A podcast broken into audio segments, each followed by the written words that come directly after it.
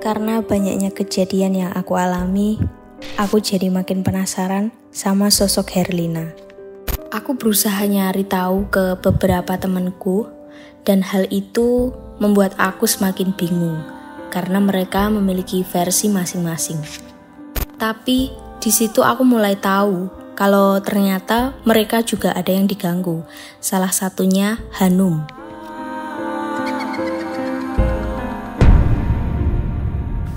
Hanum, santriwati yang baru pindah ke pesantrenku. Hanum juga mengaku pernah bertemu dengan hantu Herlina yang memakai jilbab lusuh. Dan hantu Herlina ini juga populer di pesantrennya yang lama. Aku sendiri nggak tahu apakah sosok yang ditemui Hanum sama dengan yang aku temui.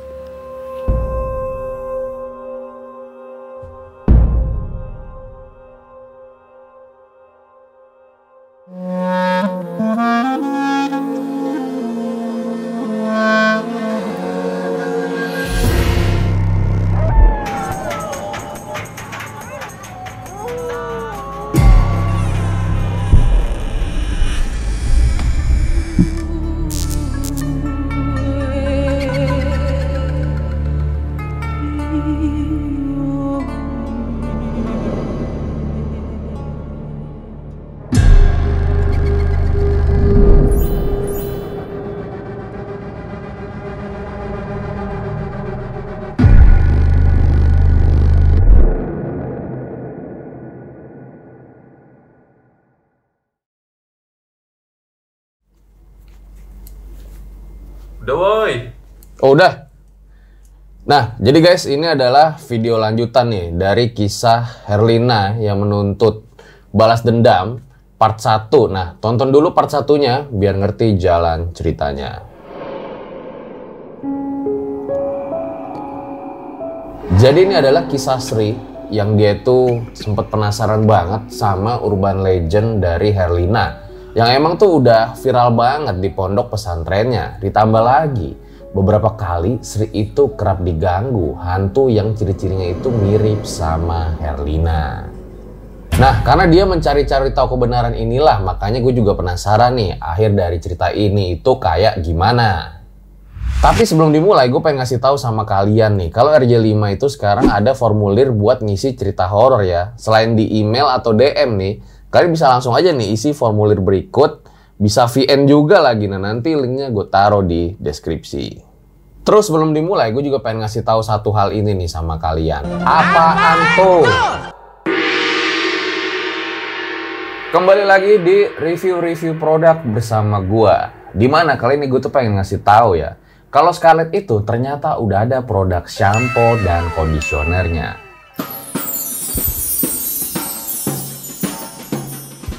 Jordanian Sea Shot Shampoo dengan wangi magnolia dan juga kondisionernya. Di mana ini tuh banyak banget manfaatnya ya, kayak mengontrol kadar minyak pada kulit kepala, menguatkan akar rambut, mencegah rambut rontok dan bercabang, dan membuat rambut lebih berkilau.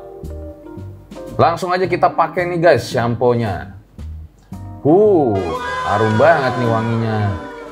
Pijat secara perlahan lalu bilas hingga bersih. Nah, produk ini itu juga udah ada logo BP POM-nya. Langsung aja bisa kalian order lewat WhatsApp dan juga Shopee Mall.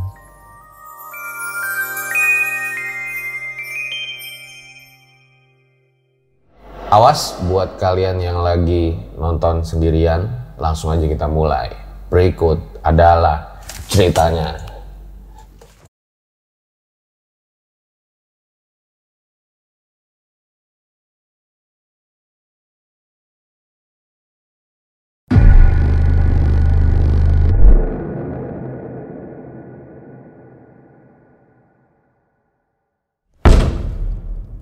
Sri takut ya, tapi matanya masih merem. Di situ dia mikir, jangan-jangan ini hantu mau masuk ke kamarnya lagi, tapi nggak bisa. Suara itu berganti ya, sekarang kayak suara ada orang lagi nyakar-nyakar pintu kamarnya. Sri benar-benar merinding. Dan saat Sri pengen bangunin teman-temannya itu, terjadilah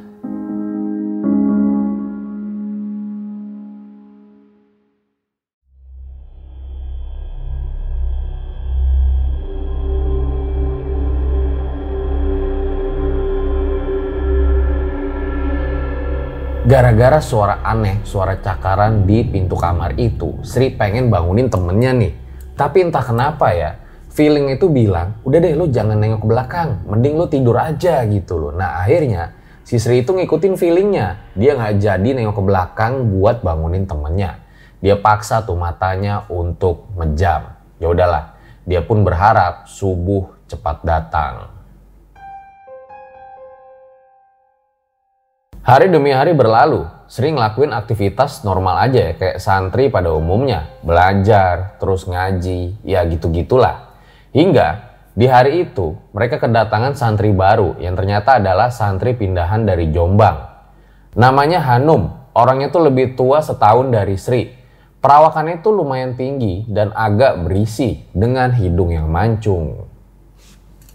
Di awal-awal pindah ini, si Hanum tuh ya biasa ya, dia berharap supaya bisa cepet nyaman nih di pesantren yang barunya.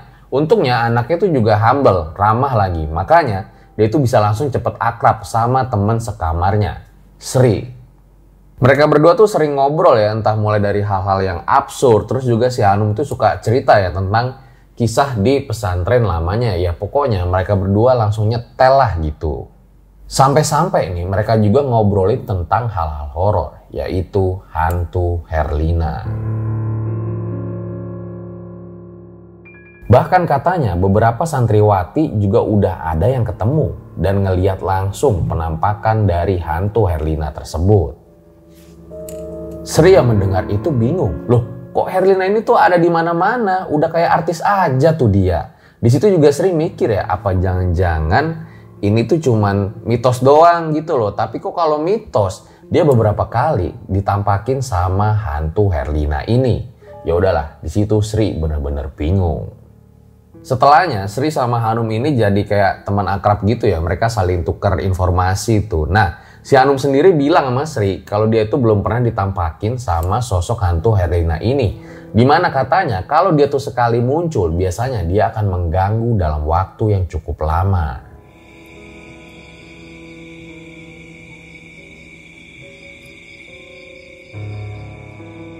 Malam pun tiba, Sri lagi-lagi nggak bisa tidur. Dia coba tuh rebahan ngadep ke arah Hanum, yang mana kasurnya itu bersebelahan. Jadi isi kamar Sri itu 10 orang. Terus tempat tidurnya tuh ada tiga yang bentuknya susun. Satu tempat tidur terdiri dari tiga susun. Sri tidur di kasur bawah, si Hanum juga tidur di paling bawah. Mereka itu berjajar, tapi Hanum itu ada di tengah, sementara Sri itu mepet sama tembok. Perasaan Sri mendadak jadi nggak karuan. Dia malah kepikiran hantu Herlina lagi. Mana suasana kamar tuh udah pada sepi, orang-orang udah pada tidur.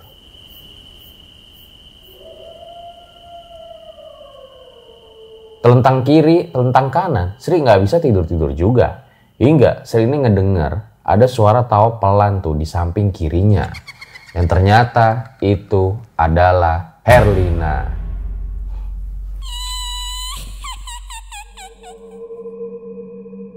Sri kaget bukan main ya, mendadak tuh dia jadi senam jantung. Dan kalau ini dilihat-lihat, bener-bener serem banget. Jidatnya memar, matanya merah, dan di hidungnya itu kayak keluar banyak darah. Dan Herlila ini masih pakai jilbab lusuhnya, tapi di jilbabnya ini juga ada noda darah. Eh buset, di situ Sri pengen teriak tapi kayak nggak bisa gitu loh. Hingga nggak lama Hanum ini ngedeket tuh ke arah Sri.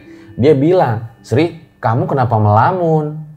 Jadi si Hanum itu ngelihat kayak Sri itu lagi tatapannya kosong melamun ke arah tembok.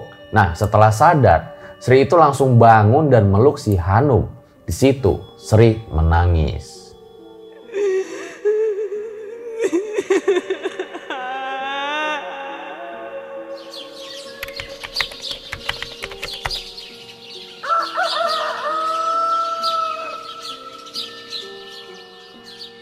Keesokan harinya baru tuh si Sri cerita ke Hanum ya tentang sosok Herlina yang dia lihat itu sangat menyeramkan.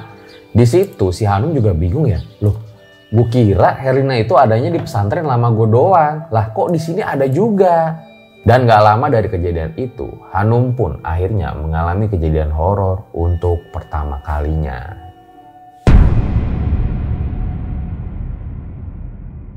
Buat kalian yang punya pengalaman horor nyata, bisa kirim cerita kalian ke email rj5 atau DM Instagram rj5.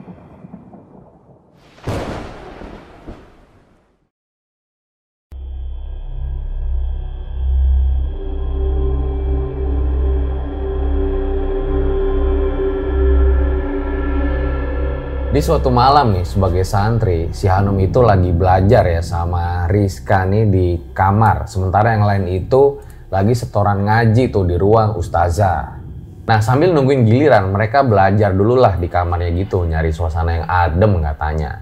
Tapi pas lagi belajar itu tiba-tiba si Hanum ini nyium ada bau wangi yang sangat menyengat. Cuman anehnya Rika ini nggak nyium bau wangi yang dimaksud sama si Hanum. Hanum coba buat positive thinking aja tuh. Tapi anehnya makin lama bau itu kayak makin nyengat. Dan beberapa saat setelahnya si Hanum itu ngerasa seperti telinga kirinya itu ada yang niup.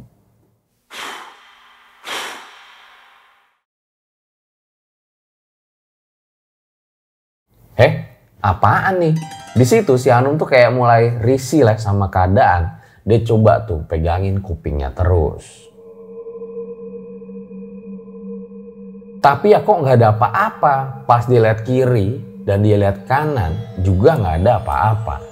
Dan pas dia lihat ke arah meja belajar, di situ ada satu sosok yang lagi duduk di atas meja. Allah Akbar. Hanum kaget. Si Rika lebih kaget lagi. Nah pas si Hanum itu keluar, Rika juga langsung ikut keluar. Tapi nih hebatnya di situ Hanum nggak cerita dong sama Rika tentang apa yang dia lihat. Karena takutnya Rika ini malah jadi takut nanti kalau diceritain sama si Hanum. Dan malam itu pun menjadi malam yang panjang bagi Hanum.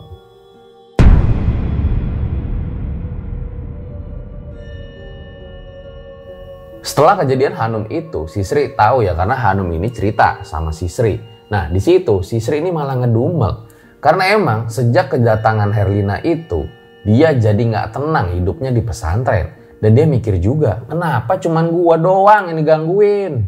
Di situ Sri juga sebenarnya udah mulai nggak yakin. Jangan-jangan ini sosok yang menyerupai doang nih Herlina supaya iman mereka tuh sebagai santri jadi lemah. Sri itu jadi makin bingung ya karena emang kan Herlina ini masih belum bisa dia pecahkan tuh misterinya hingga nih Sri ini mengetahui sebuah kebenaran.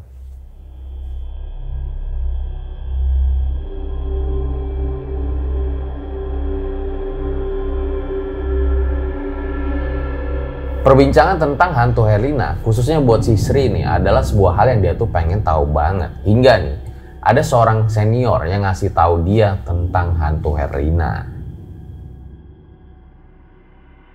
Katanya ada seorang dukun yang mengirim sosok ke pesantren yang sangat mirip dengan Herlina. Sosok itu harus diberi minum darah setiap malam Jumat Kliwon. Kalau enggak, itu akan menyerang balik ke pemiliknya. Namun, karena sasarannya adalah tempat pesantren putri, maka dia tidak kesulitan untuk menemukan darah. Emangnya ada apa kok dikirimin gituan?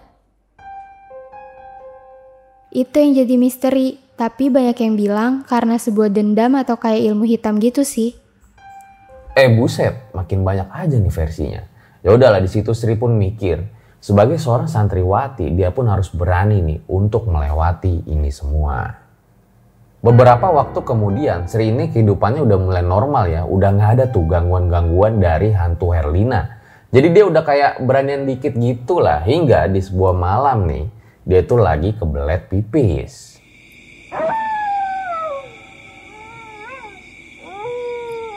Pas di lorong itu, entah kenapa, Sri ini malah ngerasa deg-degan. Dia jalan cepet-cepet tuh, hingga pas sampai di kamar mandi, dia kaget. Karena ngeliat ada sosok yang lagi duduk di pojokan. Wujudnya perempuan jilbab biasa, tapi wajahnya tuh sangat pucat dengan mata yang sangat hitam. Sosok itu menyesap pembalut dan melihat ke arah Sri dengan mulut yang penuh darah. Sri mendadak mual ya, dia tuh jijik lihat pemandangan kayak gitu. Refleks langsung dibacain doa. Tapi bukannya pergi, sosok itu eh malah ketawa. Bismillahirrahmanirrahim. Kul a'udzu birabbin nas, malikin nas, ilahin nas, min syarril waswasil khannas, alladzi yuwaswisu fi sudurin nas, minal jinnati wan nas. Sri yang ketakutan otomatis langsung lari dong ke kamar. Gue nggak tahu ya saat itu dia jadi ke kamar mandi apa enggak. Tapi yang jelas sejak saat itu Sri itu jadi trauma ya ke kamar mandi malam-malam sendirian. Ya walaupun beberapa kali sebelumnya dia tuh udah lihat penampakan-penampakan hantu, tapi tetap aja yang ini buat dia jadi shock. Sri pun akhirnya menceritakan hal itu ke santri-santri yang lain hingga akhirnya dibuat sebuah keputusan tuh. Ada kayak petugas piket yang gunanya untuk membersihkan supaya nggak ada lagi sampah-sampah pembalut yang ada.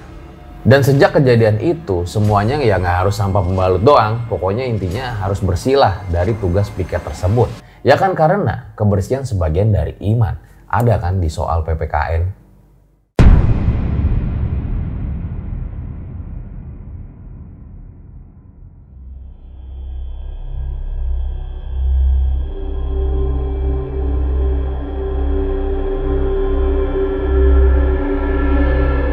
Beberapa bulan berlalu ya kehidupan Sri masih aja kayak gitu-gitu, belum ada perubahan. Nah, pada kali ini dia tuh lagi ngumpul-ngumpul tuh sama santriwati-santriwati yang lainnya. Bukannya ngomongin seputar pesantren, lah mereka malah ngomongin tentang Herlina. Sri ingin mencari tahu lebih dalam lagi tentang Herlina. Eh kalian pada tahu nggak sih tentang Herlina? Aku beberapa kali malah digangguin sama dia loh.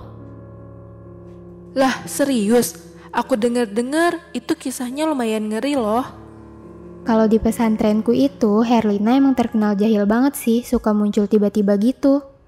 Aku jadi penasaran, sebenarnya maksud dia neror itu apa ya? Masa iya iseng-iseng doang? Nggak tahu juga, apa mungkin dia nggak tenang terus mau nyampein sesuatu gitu nggak sih?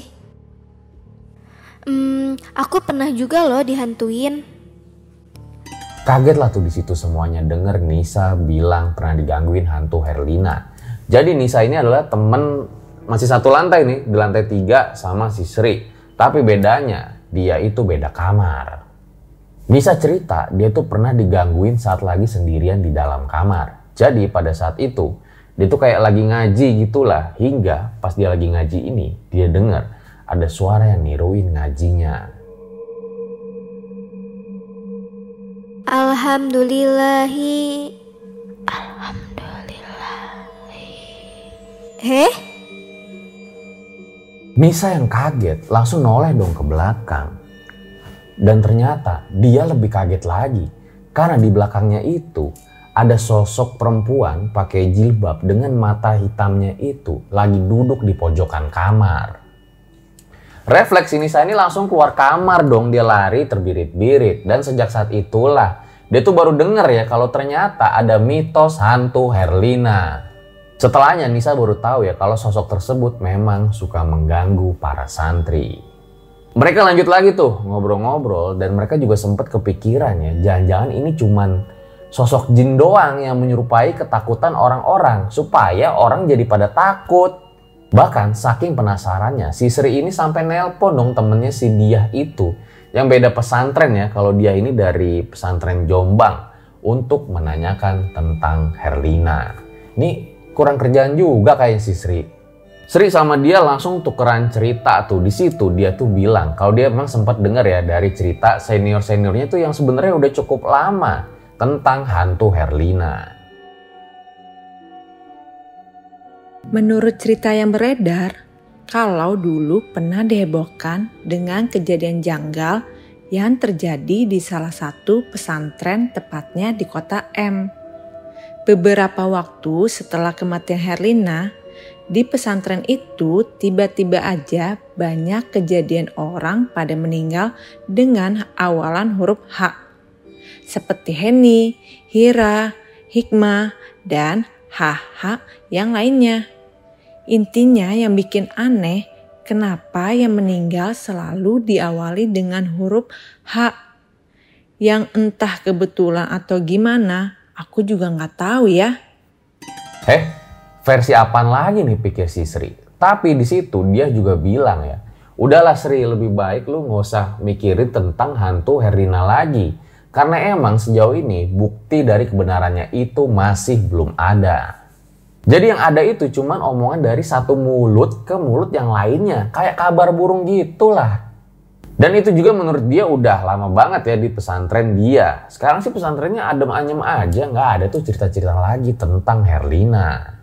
Dan dia pun mengatakan kepada Sri, udahlah Sri lebih baik nggak usah lu pikirin lagi tuh tentang Herlina. Karena kan itu bisa aja sebuah berita yang dibuat atau isu untuk menjatuhkan pesantren. Ya udahlah, Sri akhirnya menutup telepon pada malam itu dengan banyak pertanyaan di kepalanya.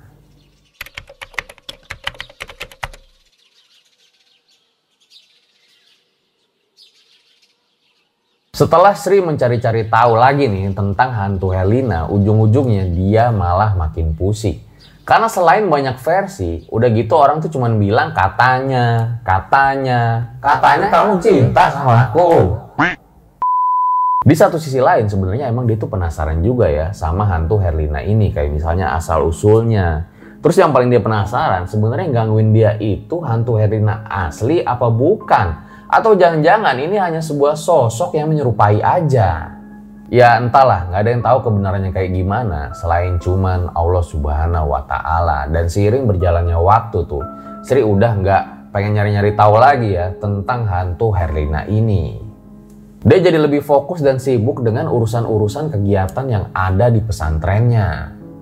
Walaupun nih beberapa kali si Sri itu masih diisengin oleh sosok tersebut, tapi lama-kelamaan sosok itu hilang dengan sendirinya.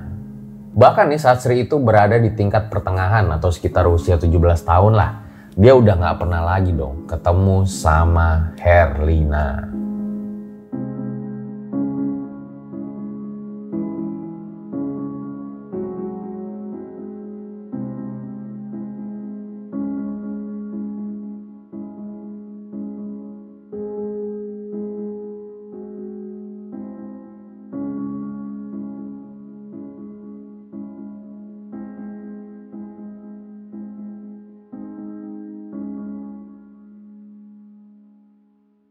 Itu dia guys sebuah kisah tentang Herlina di mana pada akhirnya kita tuh jadi tahu ya Herlina ini punya banyak misteri dan juga banyak versi. Dan pada akhirnya itu setelah Sri mencari-cari tahu ya dia tetap tuh nggak tahu Herlina itu siapa dan kebenaran tentang Herlina itu kayak gimana. Mungkin ada dari kalian yang tahu atau punya versinya sendiri. Boleh banget dong komen di bawah nanti bakal gue pin. Nah mengenai Herlina ini balik lagi kepada kalian nih. Apakah ini hanya sebuah mitos? Atau jangan-jangan kalian itu pernah digangguin sama hantu Herlina ini. Gue rasa cukup demikian nih episode Scary Tale pada kali ini. Selamat menunaikan ibadah puasa buat kalian yang lagi berpuasa. Gue Fajar Aditya, RJ5, undur diri. Jangan lupa subscribe, like, comment, share yang banyak. Follow juga Instagram gue, The Real Aditya. Waduh. Ciao.